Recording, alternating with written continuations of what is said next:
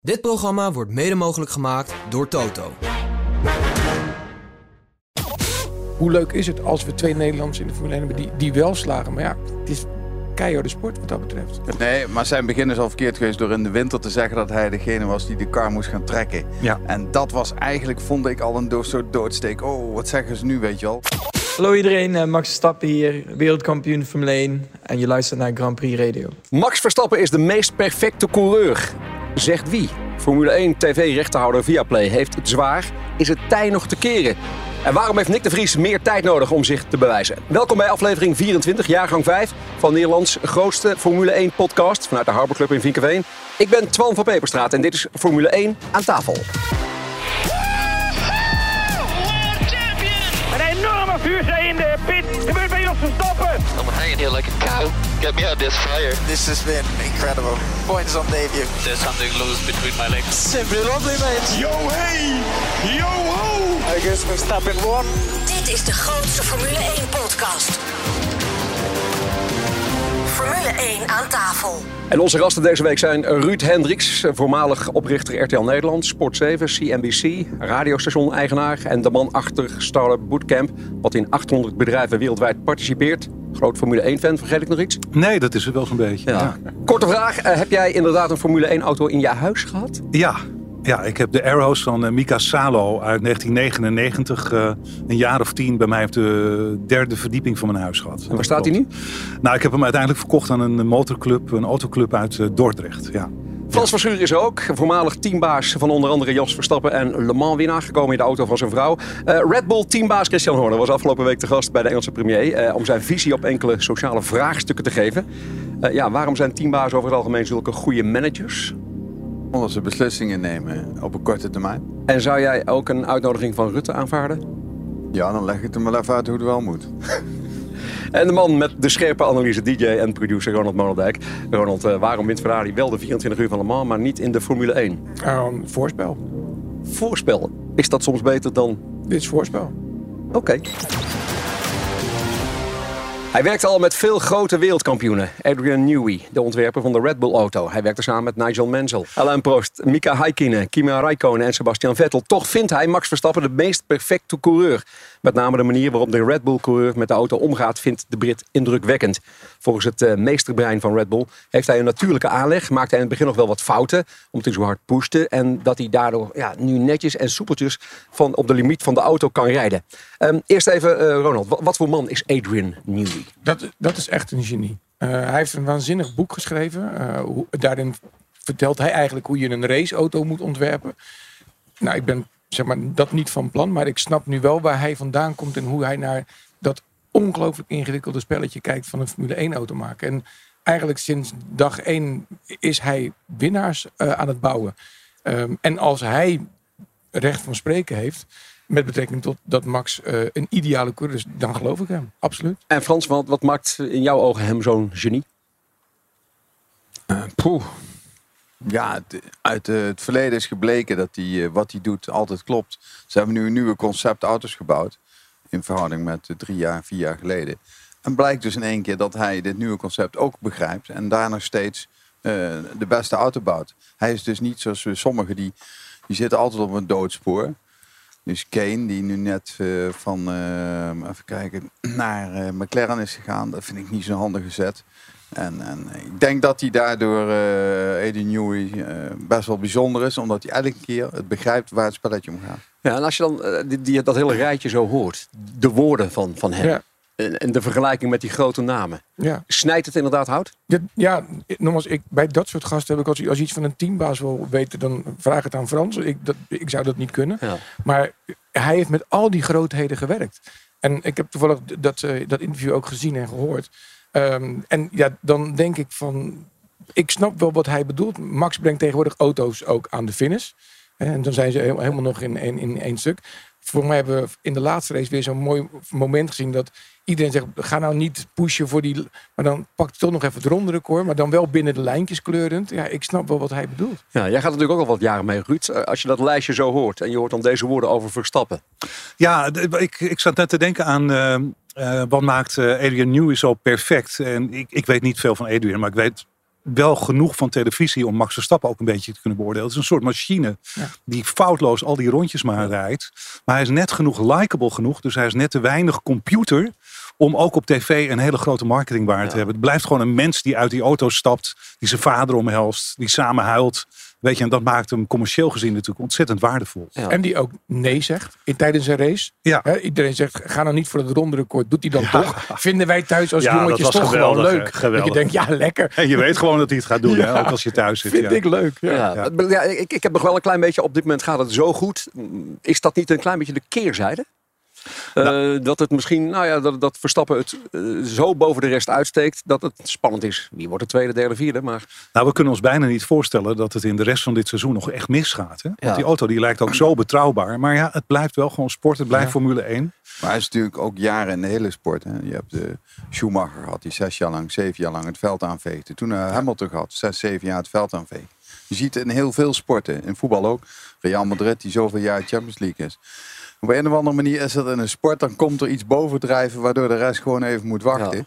En dat is nu dit jaar, of de eerste aankomende jaren, ik denk nog wel vijf, zes jaar, dat is dan nog Verstappen. En gelukkig is dat een Nederlander voor ons. toch zegt zo'n grote naam als Newey het wel heel snel. Hè? Gewoon na, na een Ja, paar jaar. die, die zien het. Ja. Zijn vader zag het al toen hij acht jaar was. Ja. Zag, zijn vader zag al toen hij acht jaar was, dit is iets anders dan een andere kartel. En dat heeft hij eh, heel goed gezien. Ja. Nog meer over Verstappen, want die eh, roept al enige tijd. De auto's in de Formule 1 moeten weer wat lichter worden. Al jarenlang wordt het minimumgewicht van de Formule 1 auto's omhoog gegooid. Door nieuwe reglementen, technologieën en veiligheidssystemen. Maar in 2026 gaat de organisatie van de F1 juist op lichtere auto's mikken. Zo'n 15 jaar geleden waren de wagens wat eh, wendbaarder, kleiner, zo'n 200 kilo lichter. En nu weegt een gemiddelde F1 wagen ja, een kleine 800 kilo. Lichter worden komt dus op de agenda voor 2026 als het nieuwe motorreglement ingaat. Ehm, ja, waar moeten we dan precies aan denken? Ja, ze hebben natuurlijk de MG, MGQK en al die andere eh, elektronische dingen. Die wegen gewoon een hoop. En als ze daar vanaf gaan stappen, dan krijg je weer iets anders. Het is gewoon de veiligheid en het motortje wat eh, zoveel gewicht maakt. En dat eh, kunnen ze wel zeggen, willen we minder doen. Maar om er vijf kilo vanaf te krijgen, is gewoon een gigantisch probleem. En gaat meteen weer ten koste van misschien wel iets van veiligheid. Ja, dan zullen ze iets anders in de elektronica moeten kleiner maken of veranderen. Ja. En dat, eh, Het is overigens wel eh, volledig toe te juichen als ze dat zouden doen. Ehm, ik eh, zal niet zeggen dat ik een goed coureur ben, maar ik heb wel heel veel rondjes op circuits gereden met auto's. En ik vind het altijd wel te gek als je je realiseert als een auto lichter is, kan je later remmen, bijvoorbeeld. En ik denk dat juist de, de, de Max Verstappers en dat soort jongens, ja, die balen er gewoon van dat ze in de ogen van een Formule 1 coureur in een vrachtwagen rond moeten rijden. En Ja. dat zij gewoon denken, jezus man, dat ding is veel te zwaar. Wij, wij denken 800 kilo is een fiets. Ja. Maar die jongens zijn gewoon, ja, 50 kilo eraf, dat voelen zij. 200 kilo eraf, dat is een feestje. Ja, ja. Eh, Maar jij, goed, jij zegt goed plan, Ja. Frans. moeilijk haalbaar. Moeilijk haalbaar. Moeilijk haalbaar. Ruud, jij kijkt er misschien Nee, een ik beetje op zwijg in deze hoor. Dit, Ja. eh, des te harder, des te beter. Ja. En des te later remmer, des te mooier. Ja, maar toch? Leuker. Nee, dat ben ik met Ja. je eens. Maar eh, reglementswijzigingen, dat... Dat hoort bij de sport. Ja. Hè? Ik bedoel, eh, als het bij voetbal net zo makkelijk zou gaan, daar, eh, daar vergt het altijd decennia om iets te veranderen. Maar daar kan het voetbal nog wat van leren. Nou, nou, nou. Afgelopen week ging Viaplay, dat uitzendrecht in Nederland bezit van de Formule 1, hard onderuit op de beurs. En zag in enkele minuten bijna 70% van haar beurswaarde verdampen. Gebeurde nadat Viaplay-baas Anders Jensen met onmiddellijke ingang vertrok. Het vertrouwen in de ontwikkelingen van de streamingpartij staan onder druk vanwege de terugvallende inkomsten en abonnee-aantallen. Enkele weken geleden vertrok al de tweede man van het concern, Peter Nederland. Nederland was verantwoordelijk voor het beleid in Nederland. Onder andere om geen Olaf Mol en Jack Ploy te benaderen. En dit jaar de radiorechten te kopen om Grand Prix Radio te dwarsbomen. als oorzaak van hun tegenvallende abonnee-aantallen. Iets wat raar is, want je hebt als luisteraar nog altijd beeld nodig. Viaplay betaalde 90 miljoen euro om tot eind volgend jaar de Formule 1 te mogen uitzenden in Nederland. Dat zullen ze ook gewoon blijven doen. Dat zijn ze contractueel verplicht. Maar er zijn kapers op de kust om vanaf 2025 het over te nemen. En een van de partijen is Ziggo Sport. Zij hebben er nooit een geheim van gemaakt om weer, zoals voorheen, de uitzendingen op te pakken. Voordeel is dat zij ervaren mensen, tv-studio's en infrastructuur hebben laten voorbestaan om direct weer te kunnen doorgaan met Formule 1. Nu al hebben ze samenvattingen en voor- en nabeschouwingen. Ja, Ruud, ja, jij bent tv-deskundige. Ja. Formule 1 fan. En ik heb de Ehm, Formule 1 ooit gekocht in 1990 voor 440.000 dollar. Zo herinnerde Olaf mij eh, twee weken geleden eh, fijntjes. Want ik wist niet meer wat het exacte dat bedrag was toen voor RTL? Voor RTL, ja. Eerste jaar. Ik ben bij Bernie Ecclestone thuis geweest aan Hyde Park. Waar een eh, ongelooflijk mooie, eh, exotische eh, dame zijn PA de deur opendeed. Maar dat was in zijn woonhuis. Heel donker, spooky omgeving. En daar hebben René Oosterman, die toen hoofdsport was van RTL en ik... toen de Formule 1 eerst voor één jaar gekocht. Toen begon Jos ook te rijden. Ehm, als Jos ook in de top 10 had eh, gereden, hadden we nog extra moeten betalen. Want dan was die, Ja? waren die rechten meer waard geworden. En toen het jaar erop, toen kwamen we weer bij Ecclestone thuis. Ik ben twee keer daar geweest.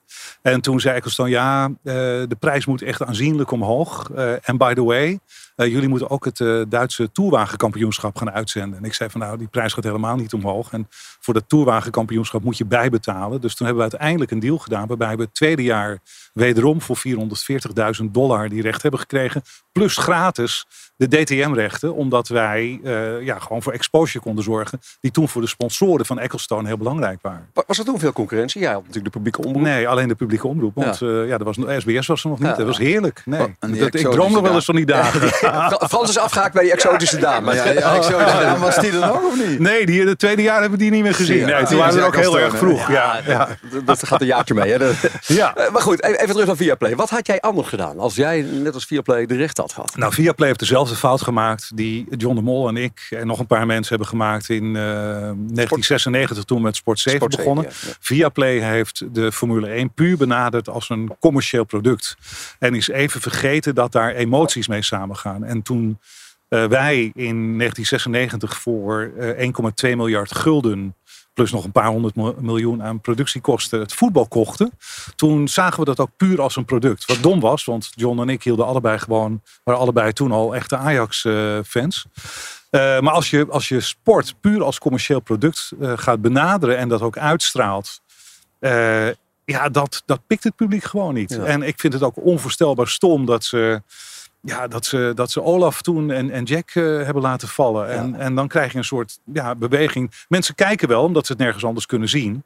Maar ik denk dat iedereen een zucht van verlichting slaakt als we, als we van deze ellende verlost worden. Je kan het heel goed volgen op F1 Pro. Ja, dat Is doe ik ook. Dat doe ik Kan ook. Over Ja. heel de wereld ook checken. Is ook prettig. Ja. En je hebt commentatoren die er ook echt iets van snappen. Ja. Dat is ook prettig. Ja, Maar nou, is dat niet ik dus gewoon ook. hun grootste Maar, maar ik kijk, ik, kijk eh, ik luister eh, via VPN naar eh, Grand Prix Radio. Ik ben echt een Olaf Mol fan. Dus Ja. dat, Nou, jij- en je bent sowieso een radiodier. Waarom Ja. wilden zij ook niet samenwerken met Grand Prix Radio? Ik denk dat het gewoon mannetjes zijn. Ik denk Ja. dat gewoon iemand zich op zijn, om het maar eens even plat te zeggen, op zijn pik getrapt eh, voelde. En dacht van, oh jij probeert mij terug te pakken door de radiorechten voor Nederland eh, te kopen. Nou, dan, eh, dan ga ik die nu lekker, want ik betaal toch al bijna 30 miljoen. Dan, dan hengel ik die ook wel even binnen. Nou, nu vervolgens gaat Grand Prix Radio naar Vlaanderen. Vlaamse rechten, nou die kunnen ze dan ook nog kopen. En dan kan Grand Prix Radio nog naar de rechten voor Bonaire of de Nederlandse Antillen. Het wordt steeds goedkoper. Ah, het is allemaal gewoon heel, heel erg kinderachtig. En weet je, je moet natuurlijk, als je, als je, wat voor winkel je ook hebt, je wilt toch gewoon uiteindelijk je klanten van dienst zijn. Als, als je nou constateert uit elke onderzoek dat je klanten graag Olaf Mol willen hebben, geef die klanten dan gewoon Olaf Mol. Geef die kijkers gewoon Olaf Mol. Ja. Is toch gewoon beter? Is 30 miljoen ook niet te veel? Ja, nou, 30 miljoen is niet zozeer te veel. Kijk, als jij eh, een nieuw eh, streamingplatform in Nederland wil introduceren, dan heb je iets nodig om dat in de markt te zetten en om te zorgen dat mensen het daadwerkelijk willen hebben. Dus ja, dat is een soort van entree-fee die je bet- betaalt. En de gedachte is ongetwijfeld dat op termijn je of de Formule 1 laat vallen en dat je mensen dan vasthoudt met speelfilms of Engels voetbal of ander materiaal.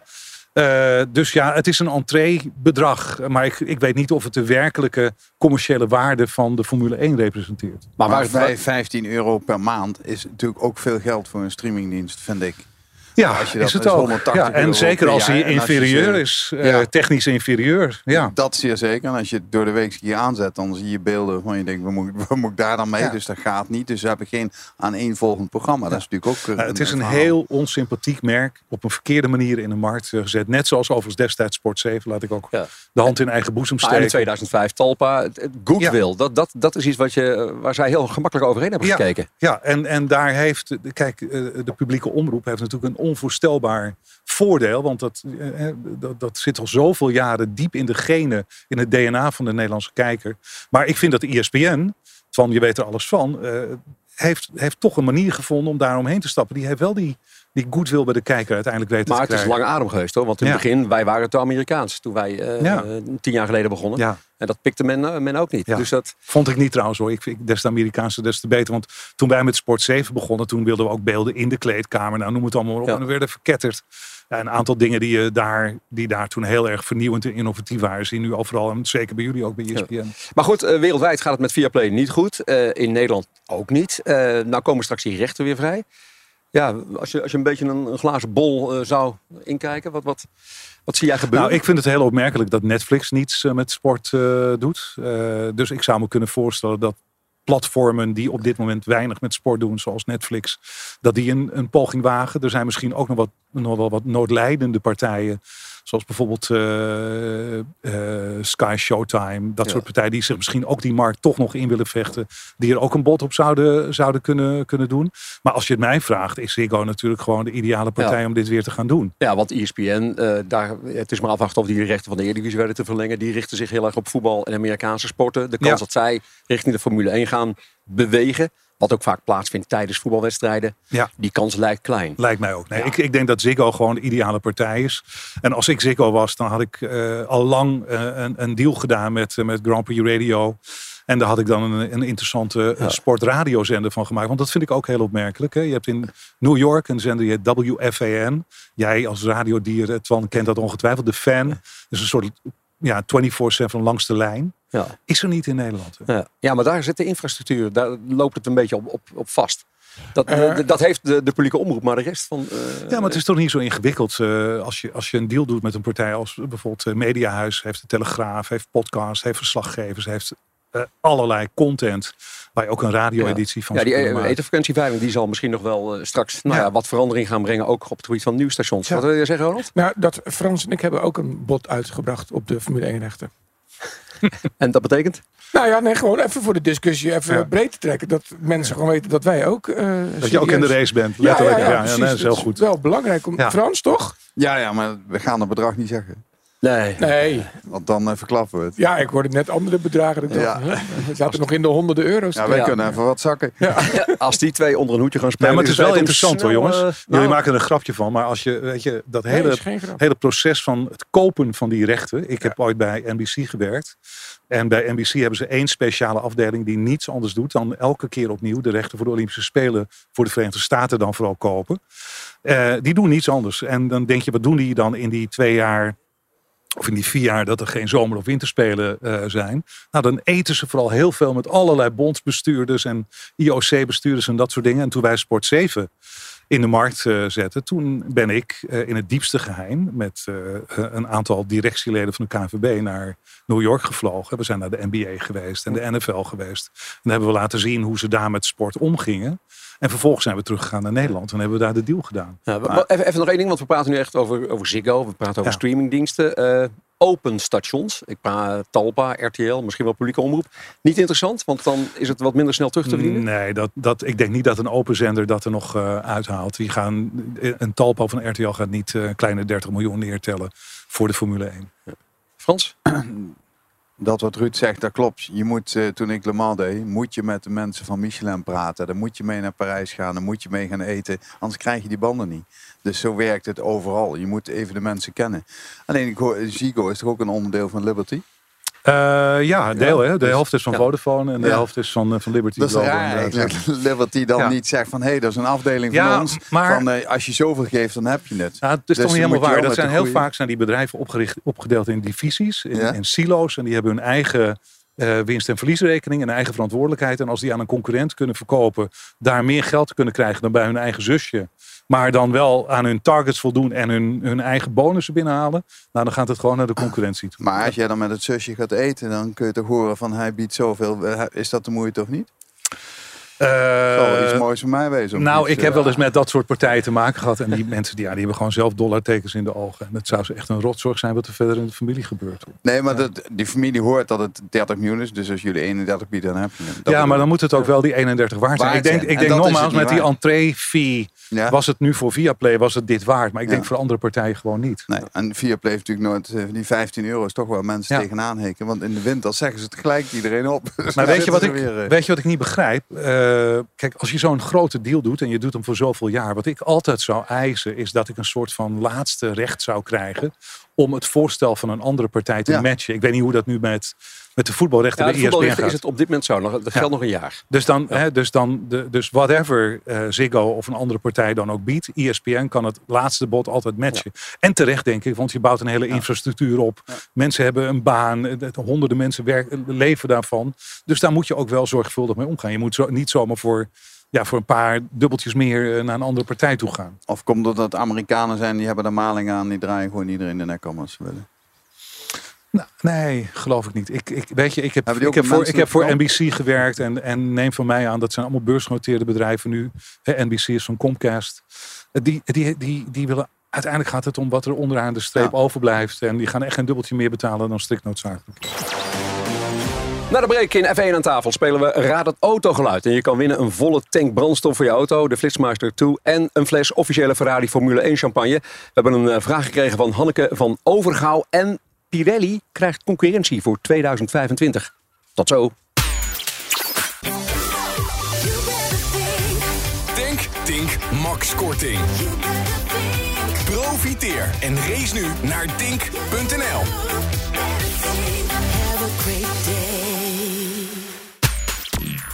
Welkom terug bij de grootste Formule 1 podcast van Nederland. Dit is F1 aan tafel en er is een vraag binnengekomen van een luisteraar Hanneke van Overgouw via het mailadres f1 aan grandprixradio.nl. Oud Formule 1 coureur Mark Webber heeft gezegd dat hij goede hoop heeft dat Nick de Vries nog wel wat kan laten zien. Dat hij kan laten zien wat hij waard is. Webber vindt vooral dat het een gebrek aan testmogelijkheden in aanloop naar het seizoen is geweest. Dat was lastiger en zeker geldt dat voor rookies in de Formule 1. Webber is de manager van Oscar Piastri, ook een rookie en staat dus dicht bij deze coureurs. Volgens Webber mag Nick tevreden zijn over de laatste twee weekenden. Ja, eerst maar even naar jou. Onzin, onzin vind ik. Eh Webber eh, zit hier even. Ik heb hem best hoog hier de plank mis. De eerste plaats is Nick de Vries niet helemaal een rookie. Die is 28, die heeft weet ik hoeveel klassen al gereden. Dus in dat opzicht is hij geen rookie. Piastri is wel een rookie en die doet het best wel aardig. Dus ik denk dat Nick gewoon een te weinig talent heeft om daarin te voor, voor te komen. Dus ik begrijp me god niet waar eh, Webber dit vandaan haalt. Ja. Ronald, de woorden van Webber. Ehm, als je iets wil weten over... De, ja, dan wij- wijs eigenlijk gewoon naar het team. Maar Ja. ja. die, hij is ervan, wat Ja. dat betreft. Ja, Ja. Het, het- tegelijkertijd, hoe leuk is het als we twee Nederlanders in de Formule 1 hebben die, die wel slagen. Maar ja, het is keiharde sport wat dat betreft. Ja. Hij, hij is niet te benijden, want, want Nee. je staat natuurlijk onherroepelijk in de schaduw van Ja. Max Verstappen. Dus hoe goed je ook bent, ja, je doet het nooit goed genoeg. Nee, maar zijn begin is al verkeerd geweest door in de winter te zeggen dat hij degene was die de kar moest gaan trekken. Ja. En dat was eigenlijk, vond ik al een do- soort doodsteek. Oh, wat zeggen ze nu, weet je wel. Laat hij dan beginnen als een underdog en laat hij dan komen. Nu wordt elke keer die, die van, ja Nick, die moet de kar trekken. En Yuki lag zijn chef, want die is gewoon de eerste rijder gewoon worden. Ja. Dus dat gaat wel goed. Heb je ook een vraag? Mail hem naar f1 aan tafel at grandprixradio.nl en misschien beantwoorden we hem eh, dan in de komende aflevering. Lewis Hamilton en George Russell hebben uitgebreid stilgestaan bij het optreden van de reservecoureur Mick Schumacher. Volgens hen heeft zijn werk in de simulator een grote bijdrage geleverd aan de ommekeer in Spanje van Mercedes. Dat Mercedes ineens van vrijdag op zaterdag snelheid had gevonden, hadden Hamilton en Russell naar eigen zeggen te danken aan een nachtelijke simulatorsessie van reservecoureur Schumacher in de fabriek in Brackley. En daardoor kon het team aanpassingen aan de afstelling doorvoeren die de eerste dubbele podiumfinish sinds Brazilië mogelijk maakte. Ja, wat kun je nou in zo'n ja, eh, simulator allemaal doen? eh? Nou, ja, voor, voor zover ik begrepen, heb. Je kan alles doen in een simulator. Bedoel, Als in van afstellingen veranderen, onderdelen opplakken en onderdelen weer afhalen. Zelf op zo'n korte termijn? Ja, zeker, want dat doen ze ook daadwerkelijk. Ze gaan ook echt de, de- tijdens de race, na de race en de nacht door gaan ze daar zitten. Het is natuurlijk wel gewoon een grote PR-uitspraak om te zeggen dat dat te danken is aan deze testcoureur. Want dat kan natuurlijk elke testcoureur, dat die draait gewoon een programma af. En het is niet zo dat hij in die auto zit en zegt, zullen we een klein beetje meer dit, een klein beetje meer dat. Dat zijn gewoon de mensen die eromheen zitten. Die zeggen, we laten je nu rijden met iets meer vleugel of iets meer dit of iets meer dat. Lukt dat ja of nee? Of hebben wij ons misschien een klein beetje vergist in, vergist in Mick Schumacher? Met, met Nee. betrekking tot wat? Nou, Nee. omdat hij toch wel gemakkelijk is afgeschreven de afgelopen tijd. Nee, dat heeft hij zelf. Hij heeft eerst heel veel auto's afgeschreven. Ja, En toen zei iemand van nou, Hij heeft toch zijn echte kans echt wel gehad. Hij heeft zijn kans echt gehad. En ik denk dat het eh, ook, ook dit weer, wat eh, Ronald zegt, gewoon een puur PR-stunt is. Omdat hij Schumacher heet. Maar er zijn ook zoveel andere goede, Ja. goede simcoureurs die echt precies nabootsen. Dus dit is gewoon even die jonge zijn reet en eh, verder klaar. Zien we hem nog een keer terug in de Hij staat 1? altijd naast Toto. Ja, Ja, de- dus hij komt genoeg in beeld. altijd zien. Dat is, eh, dat is wat hij doet. Als eerst Nick de Vries en nu eh ja. Maar, Mick Oké, maar dus niet meer in de auto. Maar kijk, Nee. ik zou ook niet weten. Ik vind het persoonlijk ook wel echt heel interessant. Of, of, of dat je dan nog terug zou willen. Die drempel, ja, die drempel wel. voor hem wordt ook zo hoog. Dat, stel je voor dat hij volgend jaar dan in de plaats van in zo'n Mercedes komt te zitten. Ja. Nee, in zijn Mercedes komt hij niet. Maar dat is Ja. natuurlijk altijd... Er zijn er zes, of zeven contracten die aflopen dit jaar. Er zijn Ja. er best wel veel. En, en eh, bij Williams doet hij het niet zo goed. Hè? Nee, die goed, Logan had- Dus daar zou zomaar een ander in kunnen. Omdat Mercedes bij de motoren levert aan Williams. Kunnen Kijk, zeggen, Schumacher wat? natuurlijk heel erg die marketingwaarde. De, Ja, de naam. Ja, Maar tegelijkertijd, nou, er zit iemand naast ons die vertegenwoordigt ook grote merken. Ja, nu zijn we een paar jaar verder. Zou je er nog echt heel blij van worden als hij een sticker van je merk op zijn helm heeft Nee. geplakt? Nee, dat is dat geweest. bedoel ik, ja. Ja, dat is, in het begin is het even nieuw en dan kan het scoren. Dan kan je bedrijven ermee Het aantrekken. was toch een mooi sprookje geweest als het zoals met Verstappen was geweest. Ja. Ja. Ja. De zoon van komt in die auto en die rijdt hem niet plat. Ja. Nou, Het is tijd voor Raad het Autogeluid. Als je wint mag je op onze kosten je auto voltanken bij Tink. We doen er ook nog een eh, Flitsmeister toe bovenop ter waarde van 80 euro. En een fles Ferrari Trento Doc. Dat is allemaal te winnen in Raad het Autogeluid. Mario de Pizzaman is bij autobedrijf Paul van Bergen. En praat met verkoper Jan Knevel over hybrid. Volgers eh, van Paul van Bergen op Insta. Glascoating en een poetsbeurt. Ik zie hier een hele blij Jan. Eh, ja, ja, Jan is altijd blij als hij Mario ziet, hè? Ja, je bent altijd blij, hè? Ik ben wel blij als ik Mario zie. Wat een imposante auto. Eh, kun je even het fenomeen hybrid uitleggen? Eh, hybrid, je kunt tussen de 10 en 50 kilometer elektriek mee rijden, maar de brandstofmotor blijft er zeker in zitten. Het is eigenlijk een, soort thuiskomertje voor de, of, om naar de volgende pomp te rijden. Daar komt het op neer. Precies, precies, precies. Een hoge instap met een sportief uiterlijk. Zijn er al mensen, veel mensen die jullie op Insta zijn gaan volgen? We zien gelukkig de volgers lekker stijgen, dus mensen blijf Paul van Bergen volgen op Ja, want dan maak je kans op. Ja, die unieke glascoating.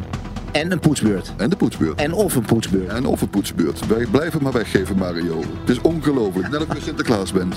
Hartstikke mooi. Mag ik het geluid van deze auto horen? Ik slinger hem aan voor je.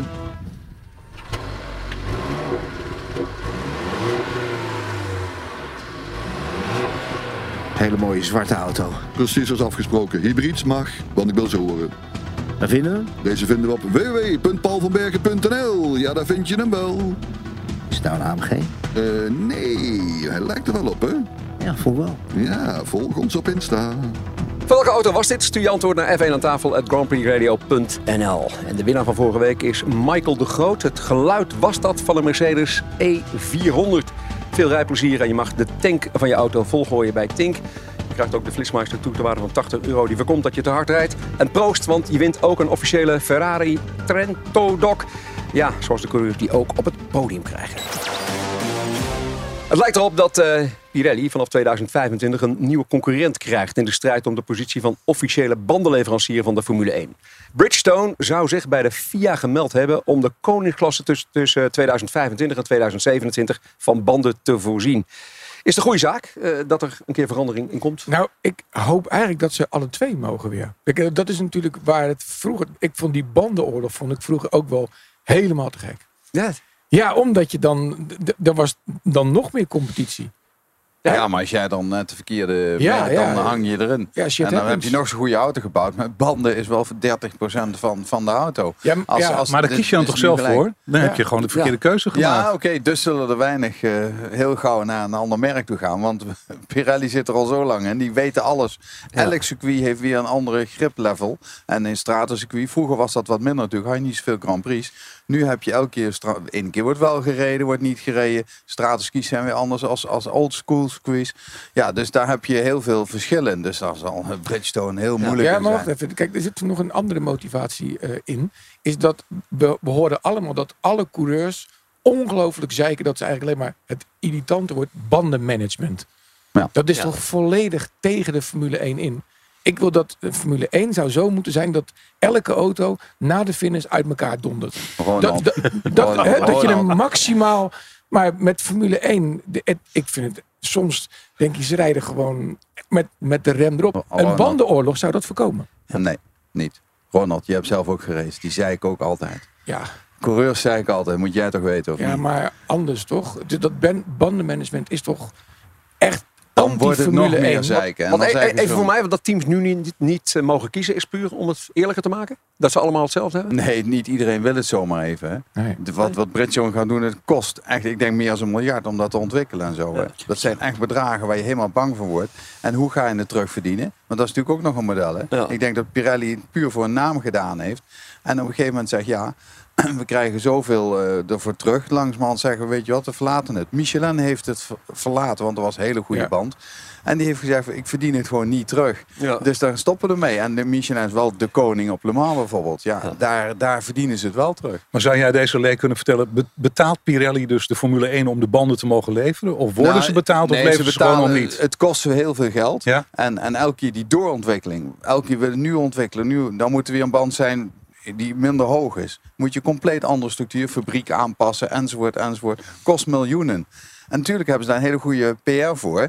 Maar op het einde denken ze ook van... hé, hey, is het omslagpunt? Hebben we dat nu al bereikt? Dan zullen we maar eens Ja. keer zeggen van... nou moeten ze dus Maar, meer gaan maar betalen rij jij nu met. Pirelli onder je privéauto omdat, eh, omdat die de banden voor de Formule 1 leveren of niet? Nee, ik niet. Nee. Ik ben persoonlijk nog steeds onder de Michelin, vooral in de regen. Maar dat is inderdaad wel een goede vraag. Want inderdaad, voor de consument, wat betekent het? Wat levert het Pirelli? Nee, oké, maar? Pir- Pirelli zit nu wel onder Ferraris en dat soort dingen. Ja. Waar vroeger echt niet Pirelli onder zat. Omdat ze ook hoge snelheidenbanden kunnen bouwen. En er zijn best wel wat auto's, Lamborghini, Maserati, die met Pirelli's rijden. Omdat die ook een band ontwikkeld hebben die 300 kunnen. En die hadden ze vroeger niet. Mag ik nog één oproep doen? Ik zoek eigenlijk nog alle Pirelli kalenders. Nu we het Voor de over banden. Ja, nee, is gewoon. Ja, leuk. Met, deze opmerking zijn we Frans weer voor vijf minuten En ik kwijt. wil eh, benadrukken, ik vraag dat niet voor een vriend, maar gewoon voor mezelf. Snel door. Want komend weekend steken de coureurs de grote plas over naar Montreal voor de Grand Prix van Canada. En op het circuit gaat het allemaal plaatsvinden van Gilles Villeneuve. Het is een onderbreking van het eh, Europese gedeelte op de kalender. Vorig jaar won Max Verstappen voor Carlos Sainz en Lewis Hamilton. Ja, op dit moment zijn er natuurlijk bosbranden in de provincie daar in Quebec. eh, maar ook overlast. En deze branden vormen waarschijnlijk geen gevaar voor de Grand Prix. Omdat het zich allemaal afspeelt op 800 kilometer afstand. Eh, eerst even over het circuit. Wat, wat voor circuit is dat, Gilles Villeneuve? Ja, het is niet een circuit waar altijd op gereden wordt. Dus je krijgt weer eh, dat eerste vrije training, de- de grip level erg laag is. En je hebt er die geweldige Wall of Champions. Hè? Dus dan, voordat ze het rechte stuk opkomen, dan is daar een muur. En hebben bijna alle kampioenen hebben erin gehangen. maar die, muur is wel iets, iets verplaatst inmiddels, toch? Ja, oké. Ja. Dus Ja, nu door alle- niet door alle botsingen Ja, ja. Ook een stukje naar achteren. Maar ik, ik vind het altijd wel een bijzonder circuit. Omdat eh, ja, alles waar een beetje grip opgebouwd wordt, is wel mooi. Ja. En dan zullen ze wel weer eh, beginnen lopen te zeuren, want er is geen grip. Ja, is het overigens niet vreemd dat die eh, eh, Grand Prix wordt geplaatst tussen het Europese gedeelte en niet vanuit Amerika? Zou Ja, dit is, wel, dit is wel weer duidelijk een verhaal waarvan de, de FIA zegt we moeten aan milieu werken. Dus we Ja. reizen met z'n allen lekker een paar keer op en neer. Dat is iets wat aan moet. Maar dat heeft natuurlijk ook een beetje te maken met klimaat en andere, andere dingen. Maar ik, de volgend jaar is de kalender al veel meer daarop aangepast. Want dit is werkelijk waar een, een, een, een, een brandstofverstokende idioterie. Ja, Gilles Villeneuve, dat is een beetje een, nog een coureur die wij nog hebben zien rijden. Ja, zeker, zeker, zeker, zeker. Nou, toen ik voor stuur, ik heb voor stuur sport gewerkt, heel lang geleden, in de tijd dat Bob Spaak nog werkte. En ik weet dat er een keer een ongeluk begin jaren zeventig eh, op Zandvoort was, waarbij een coureur onthoofd werd. En ik moest die wedstrijd monteren. En toen, heb ik, toen werden ze nog niet live uitgezonden. En toen heb ik eh, meneer Spaak, want zo noemde ik hem dan, eh, want ik was 17 Ja. of zo, heb ik toen eh, ja, moeten, moeten vragen van, hoor, gaan we dit in de, in de samenvatting stoppen, ja of nee? Dat was echt een hele discussie. Dus vol, bij mijn weten is het wel gebeurd. Ja, het was nieuws. Ja, het was nieuws. Ja. Goed, ehm, het, is, het is trouwens wel de enige onderbreking hè, van, van het Europese gedeelte.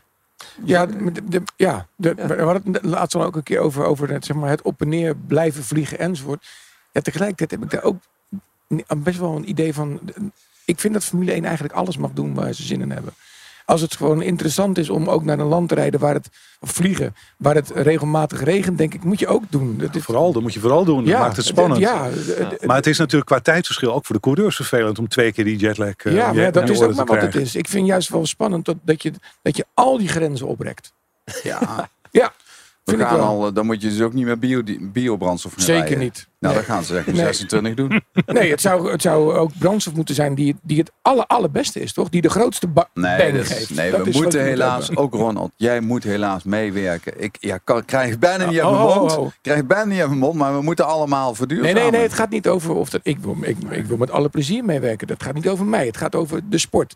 Kijk, ik blijf het gewoon raar vinden dat je bijvoorbeeld met eh, voetballen zeg je ook niet van ja, maar nu moet je eh, dat en dat mag niet meer. Of een andere nop. Of dit. Formule 1 is toch het allerhoogst haalbare. Ja, weet ik wel. Maar we moeten toch met z'n allen naartoe werken dat we in 2035 geen brandstof Dat hebben. gaat met. Dat, die maken die eh, paar autoraces. Nee, Ronald is een purist. Die wil alleen maar hard, hard, Ja, hard. ja, gewoon Dat is- maximaal hard, alles. Wel, maar door deze ontwikkeling is wel dat de brandstof eh, die, die synthetisch gaat worden, door de Formule Ja. 1 ontwikkeld gaat worden. Dus dan Top. hebben we minder fossiele brandstof met minder uitstoot. Helemaal ja, dat mee het uit mijn mond komt is Ja. heel moeilijk. Nee, maar ik ben het helemaal met je eens. Ja. Zo zie je maar. Het was wel moeilijk. veel. Ja, en richting die Grand Prix van Canada gaan we onze prognose erop loslaten. We spelen de koning van de race. We stellen vragen aan onze gasten, maar misschien weet jij het wel beter. Ehm, Ronald, om met jou te beginnen. Lukt het Ferrari om het podium te behalen? Ja, natuurlijk. Heb, heb je al een keer iets anders gezegd? eh? De Formule 1, maar, Mans, hè? nee, nee, maar luister. Kijk, eh, oh, oh, er is ook een kapotte klok staat twee keer per dag op het juiste tijdstip. Ik bedoel, er er komt een moment dat ook Ferrari gewoon de puzzel eh, maakt. Ja, zeker. Maar niet in eh, Canada. No way. Ook in Canada. Ruud, in Canada. Hoe ziet het podium eruit volgens jou? Eén, drie. Verstappen, twee Hamilton, eh, drie Russell. Oké, toch, oh, toch weer twee keer eh, Mercedes. Ja, ik denk dat Mercedes eh, de juiste weg heeft gevonden. Frans. die, hebben- echt waar, die hebben het lek boven nu. Nou, lek boven. eh, ze maken in ieder geval progressie in de Ja. juiste richting. En ze zijn in ieder geval eh, stabieler en consistenter dan Ferrari. Maar ik wil jou ik- niet op je hart trappen, Nee, dat mag. Ronald, Dat mag. maar- Er wordt, wekelijks op mijn hart getrapt Ja, als ik ja. naar de Formule 1 race kijk. Dus dat dat ben ik gewend. Nee, maar ik bedoel, voorheen was de afgelopen race was het eh, Aston Martin. Ja, ja, ja. Maar ik geloof dat Mercedes echt eh, Ja, ja, oké. goed bezig is. Ja. Frans, haalt eh, Oscar Piastri Q3 in de kwalificatie? Nee. Zo, en waarom niet? Ja, de, de andere teams zijn... Ik denk de Aston Martin heeft een beetje eh, het laten liggen in eh, Barcelona. Eh, Ik denk dat Renault ook aardig onderweg is. Dus McLaren krijgt het heel moeilijk. Die hebben met Norris heel veel geluk gehad dat ze eh, Q3 hebben gehaald. Maar dan begint de race en vallen ze steeds verder terug. Dus op een gegeven moment gaan ze ook een beetje afwegen. Moeten wij die auto, want ze kunnen niet heel veel veranderen meer naar de kwalificatie. Helemaal bouwen dat we met de kwalificatie er leuk bij zijn. Of zullen ze wat die coureurs, wat ik zou willen als coureur zijn, hey, geef mij een auto waar ik mee kan racen. Kan ik tenminste niet laatste of na laatste worden. Wat de afgelopen keer was gewoon een drama van de derde plek naar achter.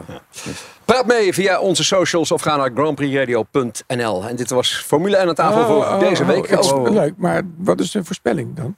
Nou ja, hij gaat het niet halen. Nee, maar dit- dit podium. Ja, de- Ja, maar iedereen krijgt een andere vraag. ja, maar eh, ik wil hem ook Podiumpje nog Frans. Ik wil hem ook kunnen afrekenen tijdens de race met een appje. Ja, dat is geen probleem. Dat is Verstappen, Perez en Alonso. Dat gouden trio. Ja, en jij als luisteraar weet het waarschijnlijk veel en veel beter. Dus eh, laat het weten via grandprixradio.nl of via de socials. Dit was Formule 1 aan tafel voor deze week. Eh, dank voor jullie aanwezigheid. En als dank krijgen jullie een fles officiële Formule 1 Ferrari Trento Doc. Volgende week zijn we er weer eh, met onder meer Frans Verschuur en eh Mattie Valk is dan de heer, de presentator van dienst. Dit was Formule 1 aan tafel. Redactie Sjaak Beumer, vormgeving en montage Marnix Westhuis. En draaiboek en productie Mario de Pizzaban. Mijn naam is Twan van Peperstraten en blijf nog even hangen voor de bonus. Dit is de grootste Formule 1 podcast. Formule 1 aan tafel. Tim, wat heb je allemaal neergezet? Nou, we hebben hier als eerste de langoustine. Die hebben wij gegrild. En daarna met wat eh shiso-boten, een soort eh, Aziatische kruidenboten. eh, hebben wij die afgemaakt. Daarnaast een beetje aioli erbij en wat zoetzure groentes. Dan hebben wij hier de vegetarische budamaki rol met wat teriyaki saus en bieslook. En daarnaast hebben wij de kokkie maki rol. Dus met wat kokieën, wat kimchi mayonaise en dan wat eh, gefrituurde engelenhaar bovenop. Ja, goed. Dan hebben wij als laatste wij een dessertje. De pandan crepe Suzette. Dat is een eh, groene crepe. Die is gevuld met een soort pandanmoes. En daarboven hebben wij wat tropisch fruit gedaan. Wat we aangemaakt hebben met Malibu boter. Dat is heel erg, heel erg zoet. Heel erg lekker. En dan nog een bolletje kokosijs erbij. Het ziet er fantastisch uit. Dankjewel, dankjewel. Smakelijk. God, we zitten hier... eh, Het leven is hard. Ja, nou, maar niet alleen wat hier nu op tafel staat. eh, Maar kijk, kijk eens gewoon naar buiten. Gewoon de bootjes die langs varen. Dit is een... Het moest gewoon altijd zomer zijn. Was trouwens dat, dat, dat gedeelte over media, eh, Frans, was het niet te lang misschien?